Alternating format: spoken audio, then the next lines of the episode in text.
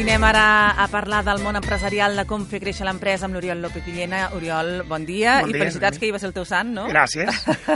Aquí un anem un dia, però tots els sants seran octava, diuen. Tot el senyor acaba. O sigui que sí, tenim vuit dies per felicitar-te. Ah, fantàstic. Uh, escolta'm, m'agrada molt el tema que parlarem avui perquè justament trenca amb molts tòpics que potser fan pensar que la teva empresa és molt avançada i estem fent tot el contrari. Per exemple, tenir un futbolí a l'empresa. Hi ha moltes empreses que volen o tenen futbolins o tenen, uh, no sé, Sí. sales d'esbarjo, uh, sales per fer ioga o per fer exercici, i tu dius no, error. Error, bueno, perquè Error.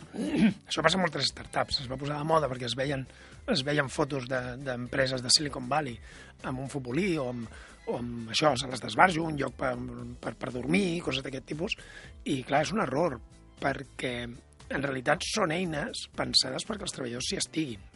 Vull dir, és, és una eina pensada perquè el treballador no surti de la feina, no surti de la feina i la seva vida la faci ja.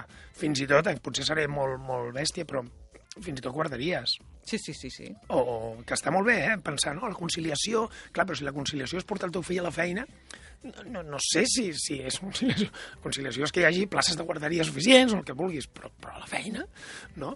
I, I, clar, tot això el que posa és el treballador en una situació en què, en què no pot dir me'n vaig. Ni me'n vaig a dinar fora, ni me'n vaig a, ni me'n vaig a relaxar-me fora, ni me'n vaig al gimnàs, ni me'n vaig a això, sinó que t'has de quedar aquí. I això és un bastant injust.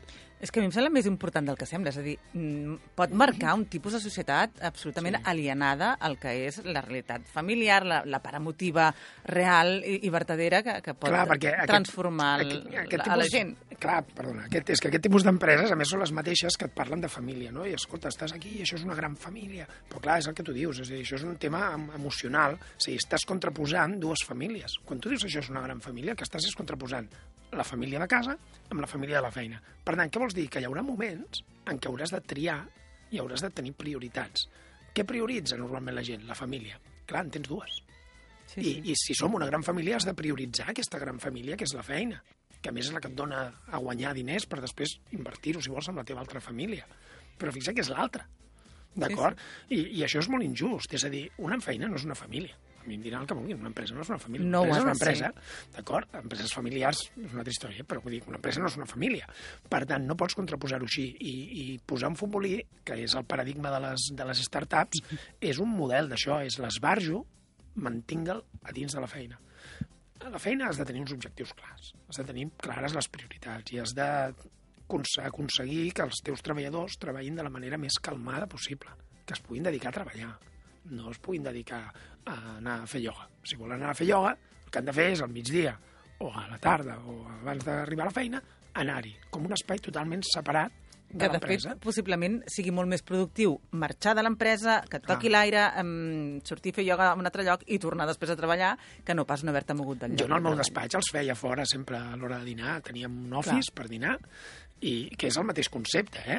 Teníem un office perquè l'havien demanat, perquè en realitat el, el concepte era el mateix. D'acord? Tens un office perquè dinin allà, no perquè vagin fora. I sempre els deia, dineu i marxeu. No vull veure-us aquí, no vull veure-us ni amb un entrepà davant de l'ordinador, ni dinant aquí, quedant-vos aquí llegint el diari. Clar. Sortiu d'aquí, Fora. a fer un cafè fora, jo us el pago jo. Sí, sí.